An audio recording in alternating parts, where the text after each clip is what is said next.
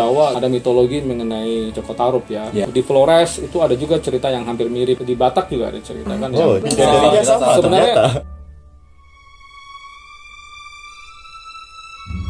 Sebetulnya orang asli Indonesia atau pribumi Indonesia itu kayak apa? Ada nggak sebetulnya? yang nggak ada namanya orang asli, Asli, sebenarnya. ya? Semuanya sebenarnya migran ya, cuman kapan datangnya dan kapan Mm, tambahannya.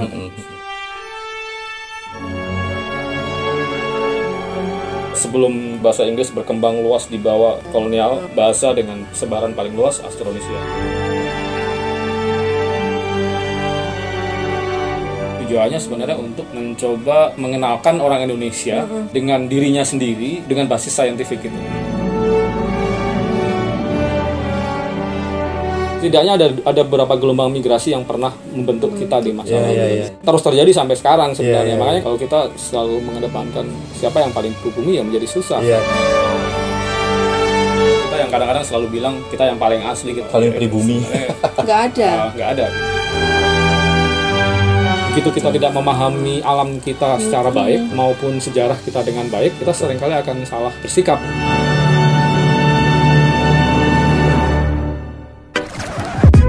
Selamat datang di ruang Ngobrol apa kita hari ini? Penasaran? Yuk langsung dengerin. Ketemu lagi, gengs. Sekarang kita ada di daerah mana ini, Mas? ini Pisangan ya? Pisangan. Daerah Pisangan betul. Daerah Pisangan kita mengunjungi rumah seorang narasumber yang eh, luar biasa. Dia adalah seorang jurnalis atas angin. cuma satu tahun ya kan? Ada jurnalis atas angin itu ya jurnalis yang kondang gitu ya kan. Jadi kira jurnalis atas angin jurnalis yang naik ini karpet terbang. Jadi Aladin. gimana kabarnya Kak? baik Baik, gue alhamdulillah. Kak Juris Baik. aman. Oke. Kak Juris dan Kak Cici karena ini adalah sepertinya topik ini kalian yang menguasai maka narasumbernya juga kalian yang Kita perkenalkan. Ya. sebenarnya menguasai ini dia narasumbernya. Narasumbernya diperkenalkan dulu siapa? Eh Mas Arif, Mas Ai atau Mas Arif dipanggilnya. Perkenalkan diri Mas, boleh? Ya. Nama, dan sekarang lagi sibuk apa? di rumah aja Bang Arif. Biarin dia yang jawab. yang mau kenalan narasumbernya mau kenalan kok kalian ngomong aja. Udah, yuk. Ya, saya Ahmad Arif, uh, panggil Aik aja. Panggil aja. Aik. Aik. Oke, Mas Aik Sehari-hari ya. kerja ngapain Mas? Saya nulis kerjaannya. Nulis di? Nulis di Kompas masih. Hmm, jadi jurnalis juga ya? Ya. Nerbitin buku juga nggak Mas? Ya ada beberapa buku. Hmm, udah berapa buku nih sekarang yang diterbitin? Lupa berapa ya? Terlalu banyak ya. kan? Terlalu banyak berarti. Ada beberapa ya. Yang paling hits apa? Yang paling hits? Paling hits. Paling hits menurut siapa? Menurut Anda. Menurut Anda sebagai penulis. yang paling susah nulisnya ya, yang paling lama ya. Eh, paling challenging. Eh, paling lama ya dan mungkin jurnalisme bencana itu yang paling lama. Jurnalis Oh, bencana. jurnalisme bencana, Jurnalisme ya. bencana. Ini kayak mirip-mirip topik kita tiga Dua minggu, minggu. lalu ya? Dua Dua, minggu- minggu lalu. dua minggu lalu. Dua minggu lalu kita lagi bahas soal apa? Tutur tersisa. tutur tersisa, melacak jejak tutur tersisa. Wah, itu jadi paling challenging ya, Mas ya, yang tentang kebencanaan ya. Ya, Terus prosesnya paling lama. prosesnya paling lama. Ber- berapa tahun itu kok lama? Berapa ya? Lima tahun kali ya? Oh. Lima tahun Ya, untuk satu buku. Yang bikin lama apa? Risetnya atau apa? Ya risetnya sama ya, disambi-sambi waktu itu. Sambil-sambil. Oke. Kalau di Kompas nulis eh, untuk des apa mas? Bidang apa? Saya di Des Humaniora ya. Humaniora itu iptek, kesehatan, pengetahuan. Hmm, jadi iptek, kesehatan, ilmu pengetahuan gitu-gitu ya. Oke. Nah kalau dengar-dengar nih Mas Arif kan eh, lagi ngerjain project juga soal asal usul manusia nih. Mungkin bisa diceritain Mas projectnya kayak apa? Sebenarnya proyek nulis buku sih sebenarnya. Jadi berapa tahun ya? Hampir lima tahun terakhir saya kebetulan ngikutin para peneliti dari lembaga biologi molekuler Ekman yang mengumpulkan genetik populasi manusia Indonesia ya dari berbagai macam etnis ya. Jadi eh, hasil produk mereka sebenarnya lebih ke data genetik saja sebenarnya. Jadi data genetik mengenai masyarakat Indonesia gitu. Nah, saya mengikutinya tapi kemudian me- membingkainya dengan terutama konteks eh, sosialnya seperti apa sih. Jadi bagaimana data genetik itu bisa dikonstruksi untuk eh, terutama untuk menjelaskan mengenai manusia Indonesia keterkaitannya sama selain asal usul misalnya tentang konteks politiknya dan seterusnya. Oh gitu, menarik ya. Wow, ini ini talk show sekali ya. Iya. biasanya kan enggak biasanya tadi kita terkesima gitu. Biasanya kalau orang ngomongin soal genetik itu bisa dikait-kaitin dengan prevensi untuk penyakit, kesehatan dan lain sebagainya. Tapi ini untuk sebetulnya hal-hal yang lebih dalam tanda kutip sosial gitu. Ada juga tentang kesehatannya juga. Kasus kesehatan juga bagian dari itu. Tapi eh, terutama yang proyek untuk eh, buku yang saya kerjain, terutama untuk mengetahui bagaimana eh, eh, kaitan genetik dengan konstruksi sosial masyarakat Indonesia terkait asal usulnya, mungkin isu pribumi non pri dan seterusnya. Udah berapa lama nih project dijalankan? Karena eh, tidak ada target sudah lima tahun ini. Lima tahun. Oh, ini masih dalam proses Masih ini. proses Nggak lagi ada terus ya. target kapan harus selesai gitu ya mas? Ya harusnya secepatnya cuman itu mah target. Tapi dulu kan pemetaan pemetaan gen aja butuh waktu kayak berpuluh-puluh tahun ya, gitu. di lapangan juga masih jalan kan. Masih jalan. Ngambil sampelnya se- Teman-teman Aikman sudah 15 tahunan ya. 19 tahun. Oh, mereka sudah 15 tahun. ngambil sampelnya dari mana aja, Mas? Ya mulai hampir seluruh eh, suku-suku di Indonesia sebenarnya cuman Hampir seluruh suku-suku di Ah, Indonesia. cuman kan belum semua ya. Tapi terutama eh, biasanya yang diambil adalah etnis-etnis grup yang belum Belum kawin campur. ah, belum kawin campur dengan Oh, karena kalau udah kawin campur, udah, genetisnya udah mulai Campur. tersilang. Silang. Iya. Hibrid dah. Hibrida. kayak Oke. masyarakat di ini nih misalnya suku suku-suku di Papua eh, biasanya pun kita cari yang berdalaman lagi misalnya kayak kemarin di Asmat ya sekitar lima jam dari Agas Terpencil ya. ya biasanya seperti itu. Untuk biasanya yang dicari juga pertanyaannya yang asli daerah situ lah desa itu misalnya. Kalau di daerah kayak Jawa atau Sumatera gitu ya, yang boleh dikatakan lebih tereksplor dibanding daerah lain, masih ada nggak sih mas suku-suku yang mempertahankan genetik yang Ya, unik masih- gitu? masih ada tuh beberapa misalnya orang di Tengger di Tengger di mana tuh? Jawa Timur ya. Tengger, Baduy, Jawa Barat. Oh, Baduy juga. Oh, Baduy itu Yang kalau Jawa sebenarnya belum banyak yang diambil ya. Jawa itu baru Tengger, eh, Jepara pernah. Oh, Oh tempat saya. ya.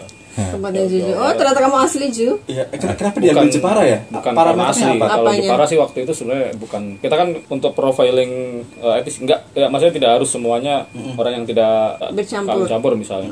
Tapi kan kita bisa misalnya di Jawa kan sekali banyak etnis misalnya. Salah satunya misalnya di dalamnya ada Tengger, ada komunitas Jepara. Misalnya kita bandingkan nih, misalnya apa ternyata berbeda sekali Jepara sama Tengger. Ada yang sama, ada yang beda dan Ini aku mau nanya sebagai orang Jepara ya, apa bedanya komunitas dari Jepara dengan komunitas lain di Jawa, sama-sama suku Jawa? Ya kalau karena Jepara kan mungkin karena daerah di pesisir ya, jadi eh, variasi gen yang menyusun orang Jepara eh, lebih kompleks biasanya dibandingkan di Tengger ya. Lebih kompleks. Ya, lebih Gen banyak kompleks. Ju. Lebih banyak campuran. Asal-usulnya campurannya lebih banyak. gitu.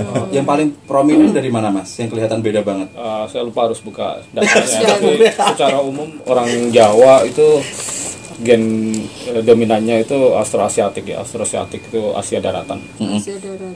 Itu secara, secara umum ya, tidak Secara spesifik umum, mana ya. selain. Austronesia. Sebenarnya eh, Austronesia itu eh, hampir semua bahasa bahasa Indonesia ya mulai dari Melayu, Malaysia dan Filipina sampai ke Indonesia mayoritas itu berbahasanya berbahasa Austronesia. sebenarnya. Austronesia itu eh, etnik grup yang kemungkinan munculnya di Cina Selatan tapi kemudian berkembang di Taiwan lalu turun.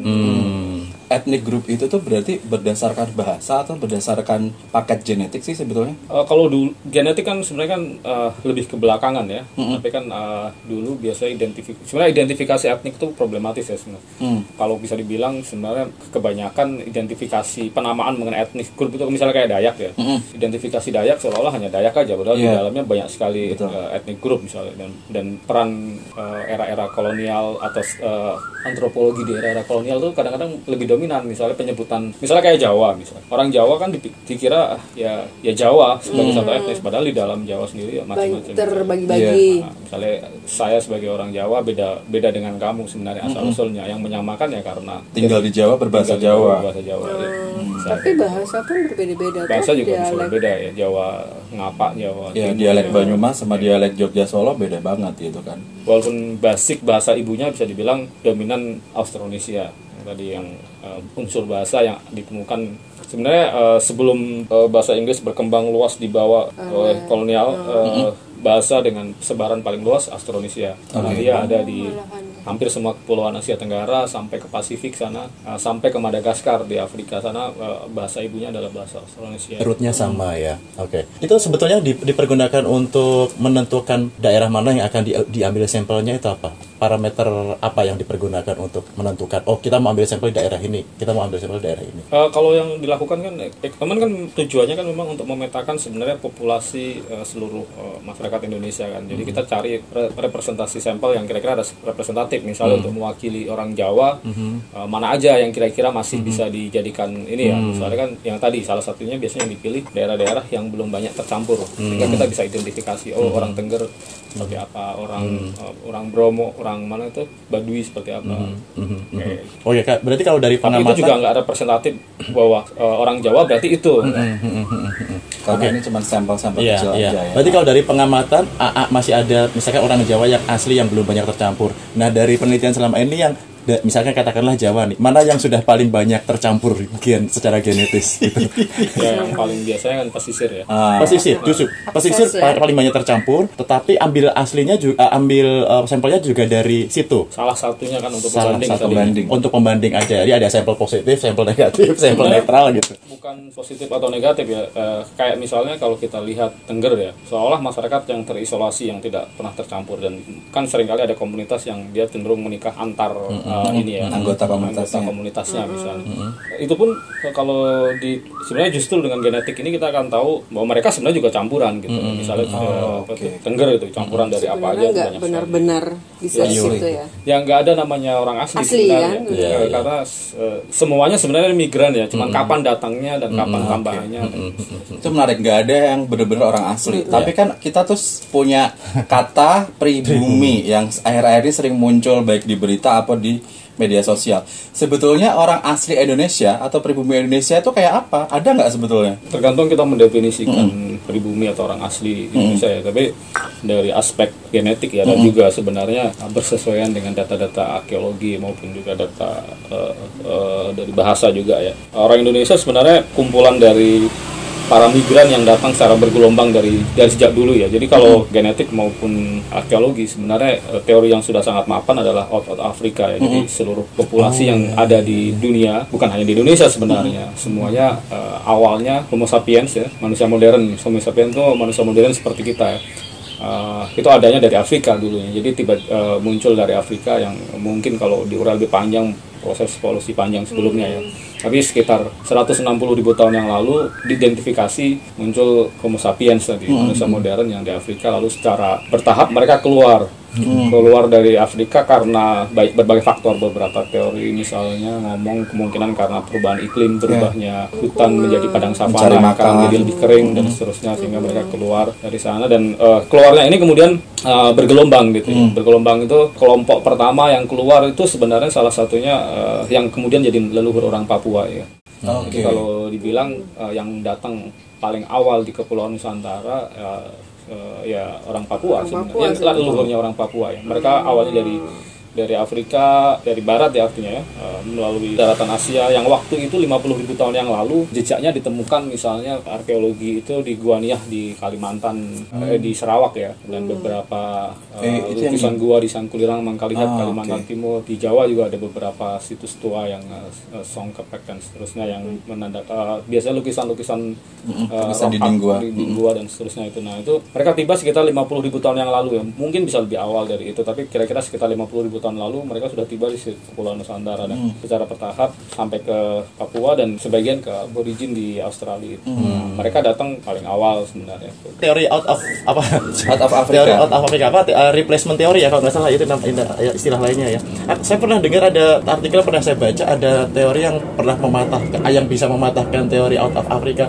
Ada nggak sih mas itu teori eh, penelitian tentang itu yang mematahkan itu? Apa saya lupa ininya penelitiannya? Apa ya mungkin Mas Arief tahu ada Apa itu? teori lain yang ada teori lain tapi bukan mematahkan ya justru teori yang lain ini lebih dulu ada namanya uh, multiregional teori multiregional itu mengasumsikan bahwa manusia manusia itu ya munculnya dari banyak dari evolusi daerah itu gitu Oh, lah dari Oh, masing-masing oke, region. masing-masing Jadi region. nggak Tidak nggak murni satu. dari Afrika terus bermigrasi ya. tapi itu udah justru udah lama dipatahkan dengan teori genetik tadi Malah Kan dipatahkan. dengan teori genetik kan kan kita bi- kalau genetika kan bisa men-trace back perjalanan genetik leluhur kita gitu kayak misalnya saya yang pernah melakukan kan sampai tahu eh, leluhur saya keluar dari Afrika kapan lewat mana aja Pernah itu, Mas? seterusnya. pernah pernah Iya, saya- melakukan pengecekan? ya pernah Pernah. Oh, aslinya leluhurnya mana mas?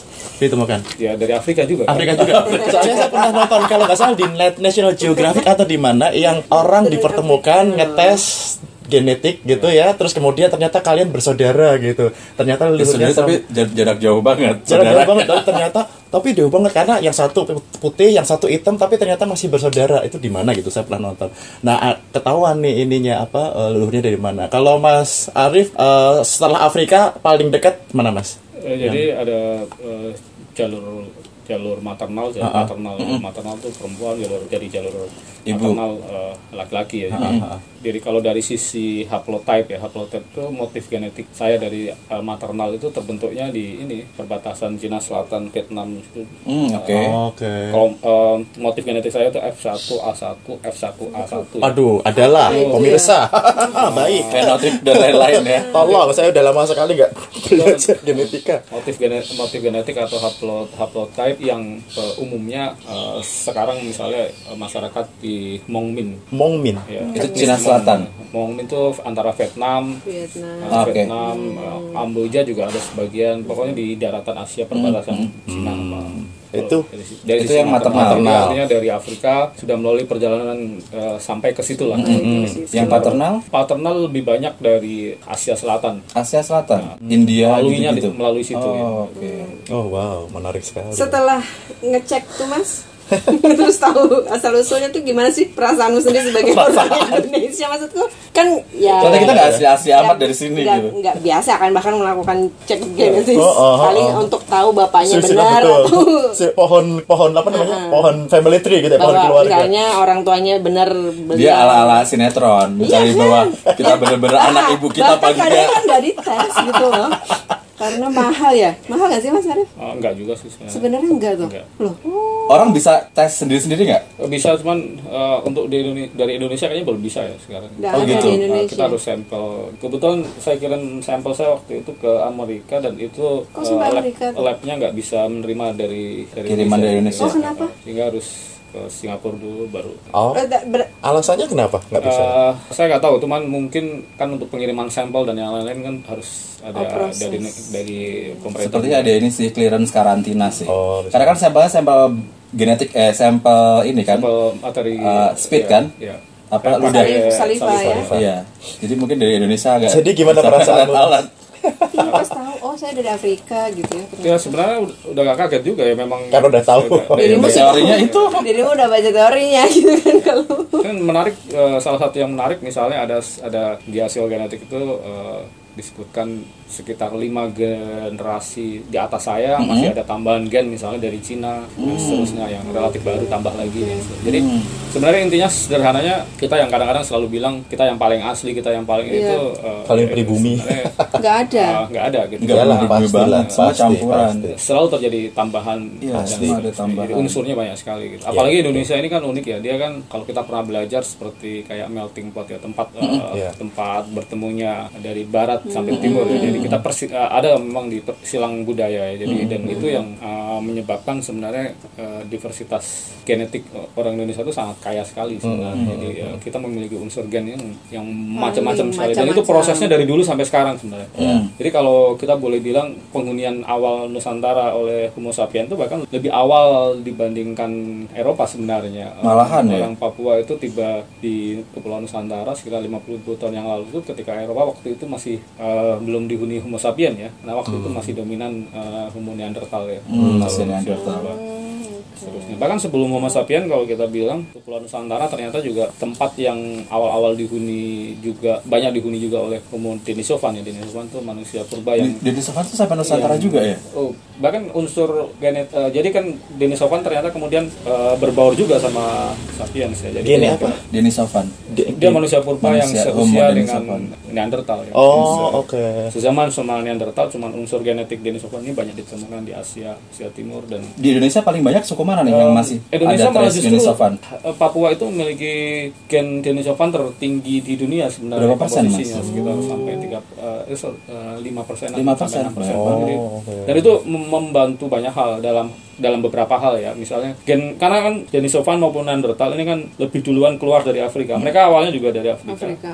Keluar duluan dan mereka beradaptasi duluan dengan lingkungan yang di luar Afrika ya. Sehingga beberapa kajian eh, sebenarnya menunjukkan bahwa keberadaan pembauran tadi ya kawin campur dengan Denisovan maupun Neanderthal terutama yang Denisovan yang banyak dikaji belakangan tuh eh, membantu adaptasi terhadap kondisi-kondisi ekstrim. Misalnya temuan terakhir misalnya em, itu membantu orang-orang di itu Sherpa di Nepal ya di itu di- Oh, tahan ke- sama dingin. ke- ke pega- pegunungan tinggi Himalaya membantu mereka beradaptasi dengan kondisi hipoksia kekurangan oksigen. Kan Itu karena gen salah satunya adalah gitu. Juga di Papua, gen dinosowan ini membantu mereka beradaptasi terhadap kondisi banyaknya parasit virus dan beberapa membantu meningkatkan imunitas. mereka. Imunitasnya. Wow, Oh, gitu. sekali. Jadi kita ini sebetulnya campuran macam-macam termasuk gak cuman keturunan Homo sapien. Dulu Homo sapien kawin mawin sama Neanderthal dan dinosaurus. Oke. Baik, baik, oke. Ini nampaknya semakin serius pemirsa dan agak susah untuk menjedanya. Minum teh dulu yuk. kita tadi dikasih teh Cina sama narasumbernya, jadi kita coba-coba dulu teh Cina ya, gengs. Nanti kita Jauh lanjut. Oke. Cecep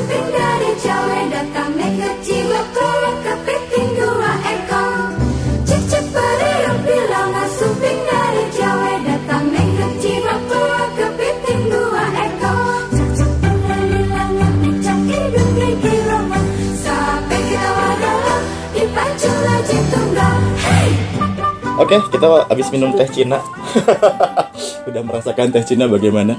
Sepertinya mungkin narasumber punya sesuatu yang mau disampaikan dengan lebih terstruktur alih-alih dari pertanyaan kita yang ala-ala orang gak jelas ini. Jadi gimana Mas? Sebaiknya kalau kita ingin mengetahui tentang penelitian ini sebaiknya mulai dari mana, Mas Arief? Kan sudah lama dilakukan nih mas sama Iqman. Tapi kita memang beneran nggak dengar ya nggak pernah dengar gitu. Mungkin hanya orang-orang yang di akademisi segala- ketika Mas Arief ditawarin itu mulai kapan sih mulai Mas Arief terlibat dengan Iqman? Dari tahun kapan sih mas? Iya sekitar lima tahun lalu. Baru lima tahun yang Baru lalu. lima tahun yang lalu. Jadi kebetulan waktu itu, jadi setelah uh, ekspedisi Cincin Api waktu itu kan ekspedisi Cincin Api kan, Ya. Api kan lebih keliling Indonesia untuk melihat ulang cara kita melihat Indonesia ya terkait sama geologinya, kerentanannya dan seterusnya. Nah setelah itu kesimpulannya kan ternyata orang Indonesia banyak tidak memahami tempat dia tinggal gitu, Ya. masuk kerentanannya dan seterusnya. Nah uh, dalam perjalanan ekspedisi itu salah satu poin yang kemudian kami temukan adalah ternyata fenomena geologi di Indonesia itu kemudian ber- bisa berdampak terhadap migrasi manusia di masa lalu gitu. iya. Misalnya letusan Toba yang 74 ribu tahun yang lalu yang Iya. dahsyat itu eh, ternyata mempengaruhi migrasi Homo sapien di awal-awal gitu. Nah, setelah itulah saya kemudian eh, melihat berarti untuk memahami bagaimana eh, orang Indonesia kita juga perlu belajar mengenai eh, proses migrasinya kaitan dengan geologi dan juga kemudian eh, di situlah saya kemudian bersentuhan dengan genetik. Nah, sejak itu eh, saya kemudian mencari data-data itu gitu. Terutama kan ke Ekman ya karena di Indonesia yang banyak melakukan itu Ekman. Jadi tujuannya sebenarnya untuk mencoba mengenalkan orang Indonesia uh, dengan dirinya sendiri dengan basis saintifik gitu. Ya. sampai sekarang kan sebenarnya isu mengenai siapa yang paling asli uh, siapa yang paling Iya, pribumi dan betul. seterusnya kan masih terus dibangun gitu ya. Ternyata manusia Indonesia itu tidak mengenali tempat Dia di mana dia tinggal. tinggal toh dan menarik juga kan dan saya pikir Ekman yang mendekati Mas Arief untuk me- mempopulerkan hasil penelitian mereka. Ternyata enggak ya Mas ya? Ya, Dirimu sudah mungkin sebelumnya sebenarnya udah kenal ya sama Bu Hera dulu. Waktu Expedition Api itu. Kemudian saya memahami pentingnya persoalan besar kita itu kan karena ke- kenapa kita tidak memahami tempat kita tinggal ya, Eh, sehingga bencana yang sebenarnya sudah berulang kali di masa lalu itu selalu memicu banyak korban. Ya. Karena kita tidak memahami tempat tinggal kita dengan tinggal. baik. Ya. Basis sains kita terhadap tempat kita tinggal kurang Ya. kurang kurang kuat gitu. Data historis kita juga terputus-putus. Terputus-putus. Pengetahuan lokal yang dimiliki masyarakat juga, Juga, tidak tidak menerus gitu. Iya, iya. Kita melihat ternyata persoalan juga juga sama dalam hal pemahaman mengenai uh, asal usul mengenai diri kita gitu. Mengenai- Iya, iya, iya, iya. Bukan hanya a- ten- ten- tentang alam tapi tentang diri kita kita ternyata juga tidak mengenali dengan baik. Buktinya misalnya isu mengenai uh, pribumi non pri yang terus bergaung. Iya, terus dan ada. bahkan sampai sekarang misalnya kayak beberapa waktu lalu kan ada anggota DPR yang mengusulkan bahwa presiden Indonesia itu harus, uh, orang pribumi asli gitu. Nah, pertanyaannya kan uh, nah, siapa yang siapa Siapa yang asli? yang paling asli gitu. Nah, sejak itulah saya kemudian tertarik untuk eh, melihat lebih lanjut eh, sebenarnya bagaimana sih untuk memahami orang Indonesia ini. Ekman udah lama melakukan penelitian sebenarnya udah udah belasan tahun ya mereka melakukan pengumpulan data genetik di seluruh Indonesia. Tapi eh, sampai saya eh, mengulik data-data mereka dan menuliskannya secara populer di Kompas waktu itu mengikuti mereka eh, ke lapangan dan seterusnya bisa dibilang apa tuh informasi itu ke publik sangat minim gitu.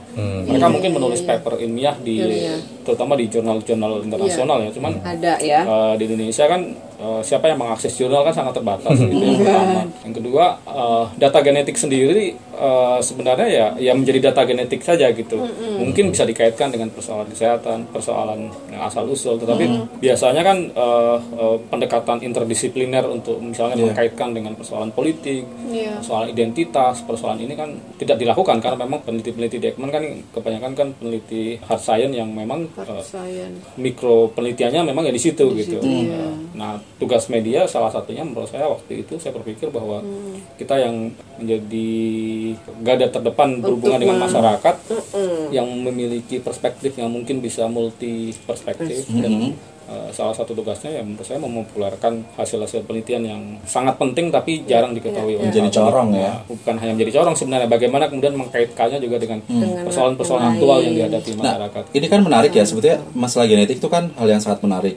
Orang Indonesia apalagi yang terkenal diverse kayak gini, banyak suku bangsa, kawin mawin, banyak pendatang gitu ya. Di Amerika atau di luar negeri itu kan hal seperti ini kan sangat populer. Kayak dua tahun terakhir kalau kita ngeliat YouTube, isinya tuh orang reaction 23andMe. Pernah denger nggak? Belum. 23andMe.com. Jadi itu kayak apa sih situs untuk kita nge-track genetik kita. Sama ngirim speed, udah terus Mereka di- bahkan sudah melakukan itu ya. Dan itu tuh dijadiin reaction di YouTube dan itu populer banyak orang. Tapi kenapa sih Mas di Indonesia ini tuh kayak masih dianggap hard science gitu? Apa yang salah sebetulnya? anggap harganya Ya, dan Pak. mahal. Eh, apa tuh ya tadi itu eh, selama ini kan mungkin kan penelitian mengenai hard science sendiri juga masih sangat kurang ya maksudnya di Indonesia yang eh, ini kan baru Ekman ya kalau di luar kan kayak misalnya 23andMe itu bahkan sebenarnya itu startup di ini di Silicon Valley gitu. Jadi itu perusahaan komersial yang melakukan pemeriksaan genetik yang tujuannya sebenarnya dua hal ya. Salah satu asal usul itu hanya sampingan sebenarnya. Mereka terutama untuk kesehatan ya. Jadi kalau kita memasukkan mau mengirim sampel genetik ke 23andMe itu biasanya paket kesehatan biasanya yang ditawarkan gitu. jadi eh, kamu ada identifikasi sakit apa dan seterusnya. Tapi di samping itu kan bisa ketahuan tadi tracing genetiknya. Gitu. kalau di Indonesia kan persoalannya sudah penelitiannya tidak terlalu banyak membawa penelitian ke ruang eh, populer itu kan persoalan sendiri gitu Persoalannya apa membuat ke ruang populer itu? Apakah mereka yang mau eksklusif? Ya karena menurut saya eh, di Indonesia riset-riset ini mungkin agak agak melebar ya, tapi secara umum di Indonesia hampir semua lembaga-lembaga riset itu tidak memiliki sains komunikator ya. Nah itu dia. Jadi eh, artinya ya riset ya untuk riset mereka gitu, tapi eh, jarang kemudian me- terpikir untuk membawa hasil riset ini ke ruang publik secara lebih luas ya. Dan itulah sebenarnya harusnya kerja sains komunikator gitu. Betul. Dan itu hampir semua lembaga riset kita tidak memiliki itu. Yang ada humas mungkin. Eh, humas Iya, kan humas. beda ya. Humas kan mungkin lebih ke Sekretaris perusahaan jadinya. Uh, lebih ke menyampaikan informasi kegiatan acara tapi bukan Iya, iya, iya, iya. memopulerkan hasil riset ke publik gitu. Oke, Mas, kalau misalkan nih uh, masyarakat Indonesia ini kalau tidak kebetulan untuk penelitian semacam ini, itu sebetulnya data genetis paling banyak datanya bisa diperoleh dari mana? Karena kalau asumsi saya nih ya sebagai orang awam, kalau kita tidak melakukan kejahatan, tidak akan dapat DNA-nya. ハハハハ! Ya, enggak ini akan aku mikirnya gitu sebagai orang bodoh gitu loh. Orang awam, orang orang awam. awam gitu kan ya. Kalau kan kalau misalkan Iya, kita bisa- bisa jadi ya orang kan mikirnya gitu committed ya. Betul. uh, crime gitu baru kita dicek langsung oh ini DNA-nya cocok dengan ini ya. Kalau enggak Karena, tuh karena kita dapat info cuma dari film-film. itu dia Bukan datanya dari- da- dari apa, mana data tuh mas data DNA paling banyak itu terkumpul di mana sih sebetulnya masyarakat Ya di kepolisian kan. Polisian. Tapi itu juga belakang. makanya kalau tidak melakukan kan itu kejahatan kan, saya uh, tahunya dari mana dalam Data- CSI kayak gini nih. Data genetiknya juga kalau di kepolisian kan terbatas tidak sampai Tidak tracking serumit. ancestry-nya ya, atau leluhurnya ya. Dia lebih ke mencocokkan. Biasanya kan namanya DNA forensik ya untuk mengetahui misalnya data genetik ini cocok dengan untuk mengidentifikasi siapa Iya, pelakunya iya, misalkan dia akan membandingkan dengan kan eh, membandingkan dengan keluarganya, Iya, iya. dengan ayahnya, dengan ininya untuk tahu oh ternyata ini anaknya benar gitu ha. Lebih ke situ. Ah, ah, lebih gitu. Nah, tapi kalau tidak, kalau tidak, misalkan itu tahunya dari terkumpulnya? Data genetik itu di mana sebetulnya? Ya, nggak ada. Nggak ada ya. Jadi meskipun ada rumah sakit, fasilitas juga kan? Nah, katakanlah rumah Kalau sakit di, pun katakanlah, di misal beberapa negara ya kayak saya salah satu negara yang sudah mengumpulkan data genetik hampir seluruh populasinya itu Estonia ya. Memang negara kecil ya. Tetapi jadi ini negara negara di sekitar Skandinavia yang dia memang populasinya kecil dan sekarang mengalami persoalan dengan pernikahan sedarah yang yang semakin Hmm, ini ya. tinggi. dan, dan dan itu mereka akhirnya eh, mengumpulkan data genetik populasinya bahkan kalau mau menikah harus Harus cocokkan dulu dulu. dicek cek dulu gitu bahkan lagi kenalan aja dia sudah Langsung. pairing gitu oh Coba cocok nggak langsung ludah data kan? Dicek dulu. Nah, dia, karena masing-masing punya, orang udah dan mereka udah punya Ya, ya, ya, ya. Karena makin dekat kan makin Betul. resesif Rentan gennya, ya. makin rentan penyakit Iya, kan. uh, kemudian Nah, itu salah satu. Oke. Sebenarnya genetik ini memang ilmu yang relatif baru berkembang Hmm. belakangan, tetapi berkembang cukup besar. tuh. Penggunaan paling paling luasnya belakangan terutama untuk kesehatan sebenarnya. Istilahnya pengobatan presisi. Hmm. Oke. Ya. Karena setiap itu mengobati orang berdasarkan pola genetik dia. Jadi genetik ini kan selain membawa informasi keturunan asal usul kita dari mana, dulu leluhur kita pernah tinggal di mana. Ini juga membawa informasi mengenai penyakit. Penyakit, Karena betul. migrasi orang itu di masa lalu juga membawa penyakit gitu. Betul. Uh, misalnya sederhananya gini, uh, ad- ada beberapa etnis tertentu yang memiliki kerentanan terhadap penyakit tertentu. Misalnya kayak diabetes, misalnya diabetes itu kaitannya dengan genetik tuh erat sekali. misalnya. Kayak Jadi misalnya uh, ada beberapa etnis tertentu atau pola pola gen tertentu yang dia uh, memiliki kerentanan tinggi terhadap diabetes. Ketika kemudian uh, pola hidupnya banyak mengkonsumsi misalnya gula atau uh, glikemik makanan dengan tinggi, dia kemudian rentan terpicu dan seterusnya. Nah itu sekarang penggunaan penggunaannya terutama untuk itu. Tapi itu menarik karena aku tadi nge- ngebahas soal Estonia ya. Itu menarik banget loh. Sebagai orang Jawa, orang Jawa itu kan kita tuh kalau mau nikah katanya harus bibit, Bibit, bebet, bebet, bobot.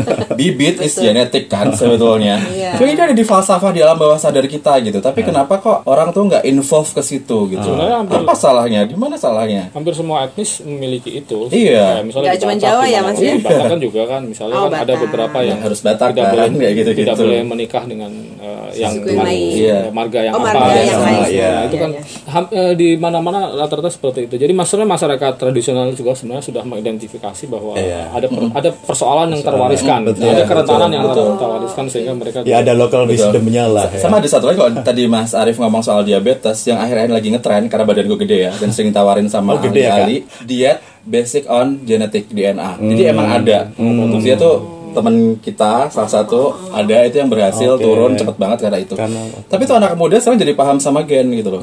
Jadi jadi mungkin memang pendekatannya harus kayak gitu. Kalau misalkan kita cek nih di lab kayak di rumah sakit gitu sebetulnya data genetis kita bisa diakses dari situ nggak sih? Maksudnya apakah rumah sakit itu akan otomatis bisa data yang dipergunakan itu nanti akan bisa otomatis dipergunakan? Kata Kan katakanlah kesehatan. Maksudnya data apa? Data tuh maksudnya gimana sih? Data yang mana? Jadi kan eh, Nggak ada. Persoalannya kan misalnya kayak gini kan tergantung pertanyaan penelitiannya kan. Maksudnya eh, lu eh, rumah sakit tertentu mungkin bisa ngambil data genetik kita ya.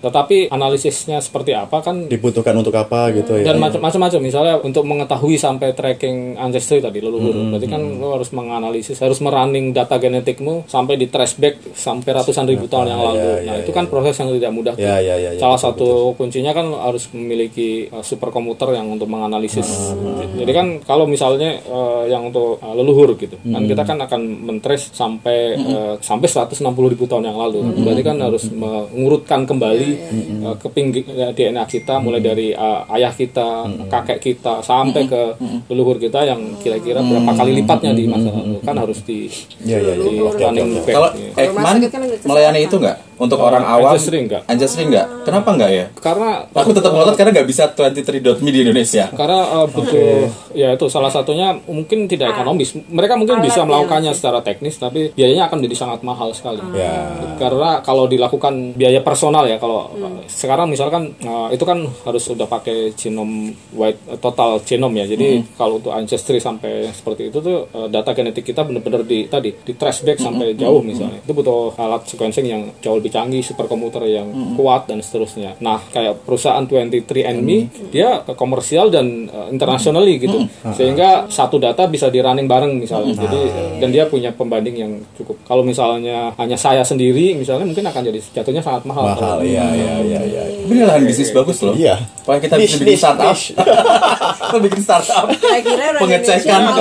Eh tapi jujur ya terus terang aja. Waktu aku SMA dulu pelajaran paling aku suka adalah pel- pelajaran genetika biologi genetika. Itu aku paling seneng dan nilaiku bagus terus makanya aku tertarik sebenarnya kalau belajar masalah-masalah kayak gini-gini nih tapi kan lama-lama kan tergerus informasi terus jadi jadi inilah Tapi menarik loh, siapa sih yang nggak suka tahu leluhurnya siapa, apa? Itu kan semua orang pengen tahu sebetulnya kan.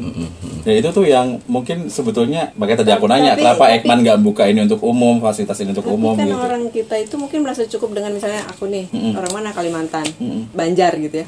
Ya udah. Tapi kalau ngelihat kepopuleran Bapak Ibuku Banjar Kutai. ya kepopuleran gitu. reaction 23.me eh, and me di YouTube sampai orang berlomba-lomba bayar hanya untuk pengen tahu dia siapa, keturunan apa. Iya, iya, iya. Itu menarik Iya. loh. Karena kan sekarang zaman-zamannya individualis semua pengen tahu. Mas mau cerita apa lagi Mas? Mas Cerita. kalau kalau di sini kan Mas Arief tuh ada juga bagian eh, bahwa genetik DNA itu membangun konstruksi sosial itu? Sebenarnya bukan eh, DNA membangun konstruksi sosial, tapi bagaimana kita mengkonstruksi data genetik yang ada dan untuk apa gitu. Itu ter- tergantung kita. Misalnya kayak gini, terkait sama polemik pribumi dan non pri misalnya. ya.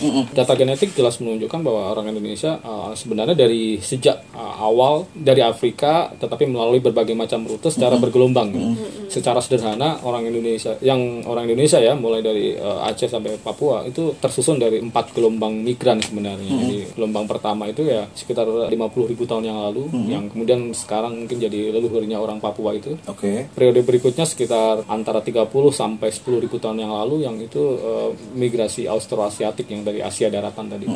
Yang ini Jadinya sekarang eh, salah satu unsur dominan Austroasiatik eh, orang Dayak, eh, Oke. Kalimantan, Jawa itu juga dominan Austroasiatik ya. tadi. Lalu Wave periode. Yang ketiga adalah eh, Austronesia migrasi gitu. Mi- Migrasi Austronesia yaitu sekitar 5 ribuan tahun yang lalu yang yang itu membawa kebudayaan terutama eh, bercocok tanam, eh, menanam padi dan menanam biji-bijian dan yang lain-lain ya. Kalau periode yang 30 sampai 10 ribu tahun yang lalu, waktu itu daratan kepulauan Indonesia sebenarnya yang bagian barat masih nyambung dengan Asia ya kan sebelum zaman eh, es terakhir itu. Nah, itu pada periode itu kebudayaan masih hunter gatherer sebenarnya berburu dan meramu gitu di beberapa kebudayaan sebenarnya masih ada sisanya gitu ya.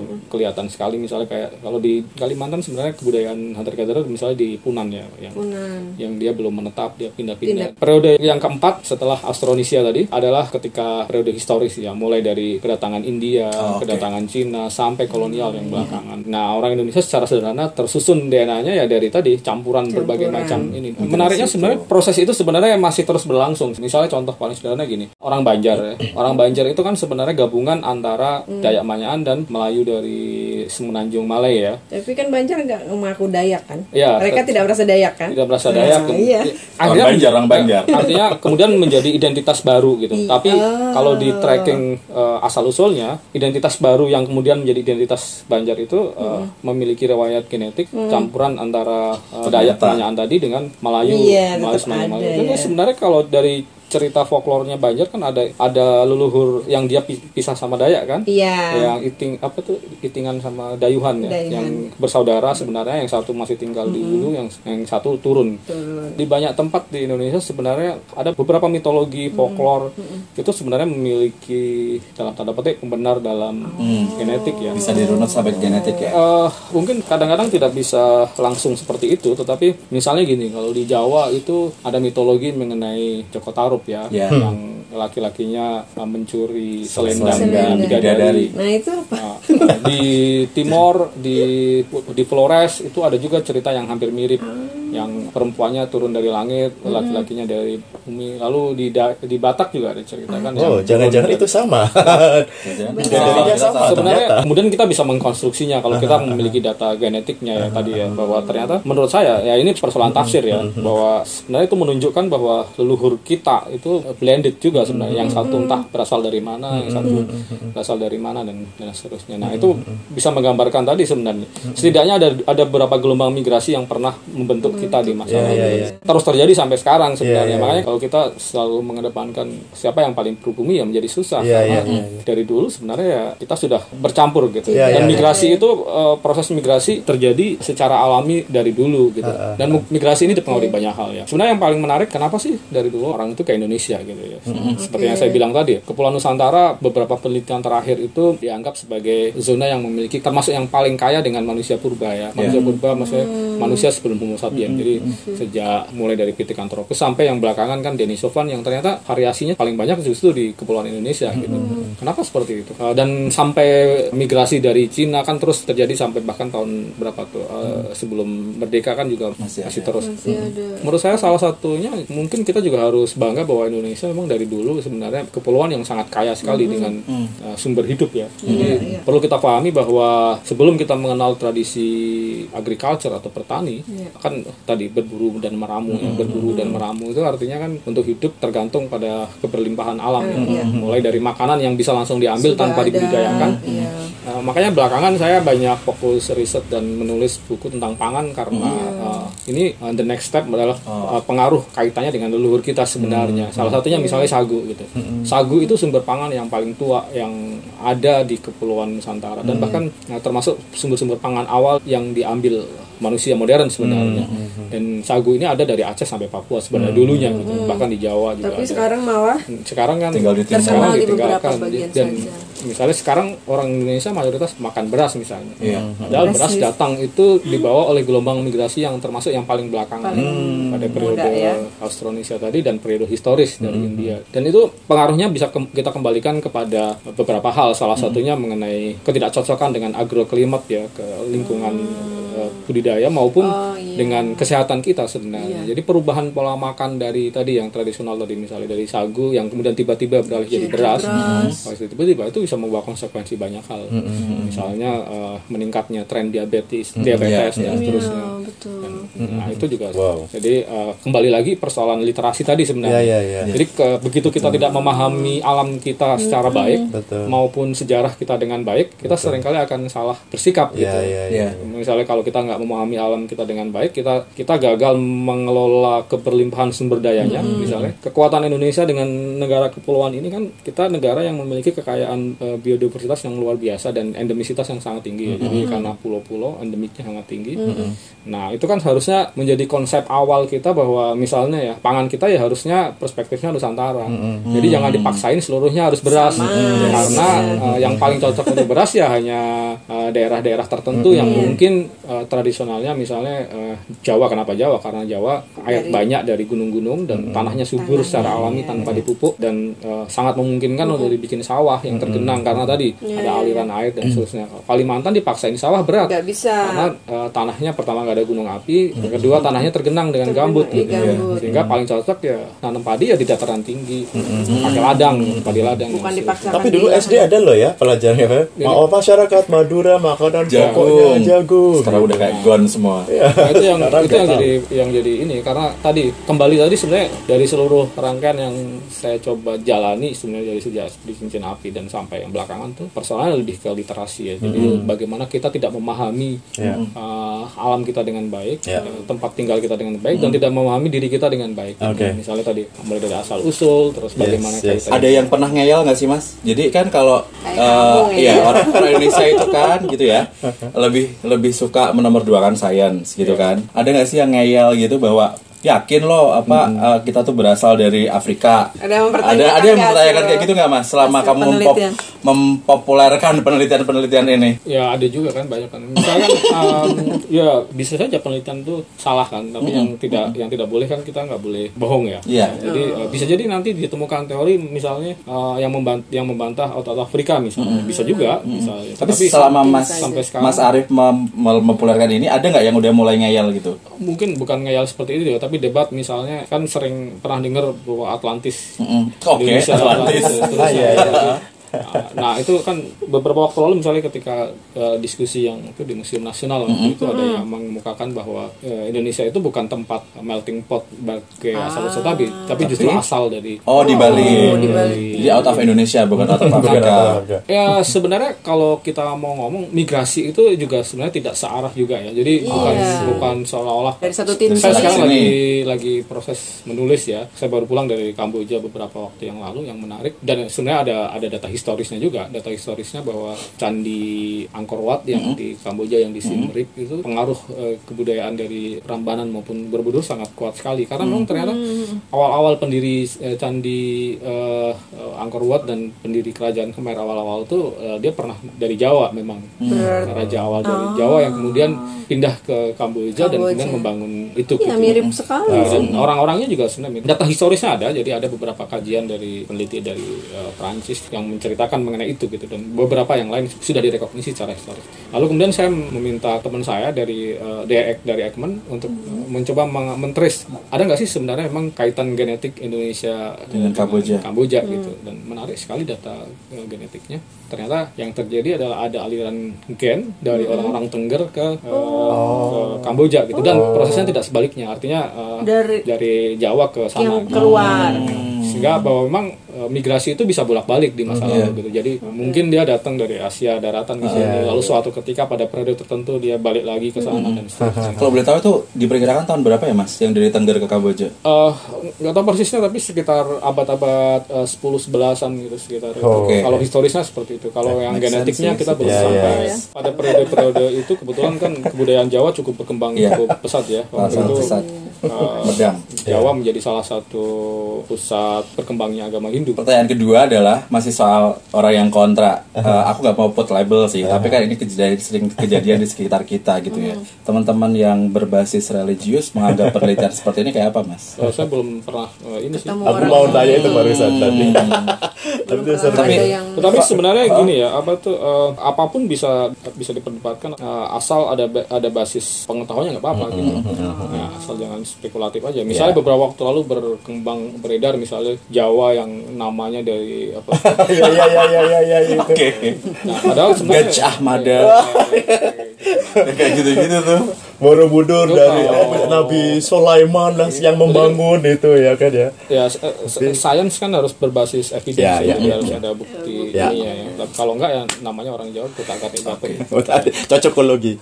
jadi jadi Pamungkas kak pamungkas. Pamungkas. Nah sebenarnya kan mau kita berarti harusnya sudah bisa mikir nih. Nggak ada yang pribumi di Indonesia toh. Jadi kenapa harus diributkan kan? Asal-asal kamu dari mana, asal dari mana? Ya sebenarnya itu. Kita orang Kalau Indonesia. semua orang tahu sih ya. Kalau tahu dan kalau orang mau baca belajar gitu ya. kan. literasi yang Betul. masih PR-nya berat itu ya Mas ya, ya? Ya sebenarnya sederhana aja bangsa yang yang besar seharusnya yang mau berpikir terbuka ya Ah. jadi dan nggak ada nggak ada di seluruh dunia ini yang mungkin bisa dibilang bahkan orang Inggris saja nenek moyangnya orang kulit hitam kan? Data genetik menunjukkan seperti itu. Jadi diskursus mengenai asli tidak asli yang kemudian itu menjadi pembeda itu harusnya udah dilupakan. Oke. Ya. harusnya orang ya udah lo bisa jangan- berkarya apa bisa berbuat apa bagi negara ini bagi, mantap. bagi orang lain nah, Sedap. One last question mas, Eh, kalau teman-teman yang dengerin ini kebetulan terus kemudian tertarik pengen ngulik lebih lanjut soal genetik, asal usul mereka dan lain sebagainya, selain membaca artikel-artikelnya Mas Arief di Kompas, mereka bisa membaca di mana lagi nih atau mencari informasi di mana lagi nih? Ya, sayangnya memang buku-buku terkait sama ini kebanyakan masih dari luar ya. Tapi Bahasa beberapa di antaranya sudah banyak diterjemahkan ya. Ada rekomendasi nggak apa yang harus dibaca? uh, apa itu buku genomnya si Genom. Ridley, terus Oke. Buku-buku tentang uh, evolusi tentang genetik cukup banyak sekali Mm-hmm. sebenarnya sudah cukup banyak teman di luar. Di Indonesia menjadi masih sangat minim ya yang Masih asli langka ya. di Indonesia yang oh, ini mungkin belum ada memang bahkan. Ini Memang sudah saatnya dirimu menerbitkan buku sih mas. Ya, mas, oh, rubriknya ta- tayang rutin nggak di Kompas? Terbit rutin nggak? Nggak, nggak rutin. Nggak rutin. Nggak maksudnya kalau kita mau baca nih yang mungkin yang mau deng- yang dengerin mau baca tulisannya Mas Arief tuh di mana tiap kapan di rubrik apa gitu. Eh, di rubrik humaniora. Humaniora ada jadwalnya nggak? Tidak ada jadwalnya karena sesuai pasca lapangannya gitu. Anu ya, Tapi sesuai sejak dua, lima tahun terakhir mungkin udah cukup banyak ya. Atau mungkin Mas Arief punya website atau blog untuk teman-teman bisa ngelihat? Ya di beberapa saya masukkan di eh, laman Facebook saya. Oh, di Facebook. Itu ada saya bikin page sendiri yang, Oke. yang Oh. isinya salah satunya terutama tentang Apa Oh, nanti mas nama aja? nama page nama page Facebooknya? Ahmad Arif. Ahmad Arief aja. Ahmad Arief itu aja. Oke nanti kita Itu agar orang Nanti gampang ya, akses kita cek ya. kan? Nanti di tag nanti tag. Kalau dari eh, lembaga Ekpan sendiri ada yang bisa kita cek-cek nggak websitenya mungkin atau ada publikasi apa? kita juga nggak ngerti. mereka ada bahkan di di Instagram juga mereka ada tapi kayaknya lebih ke diseminasi informasi. Hmm, oke. Ya, baik.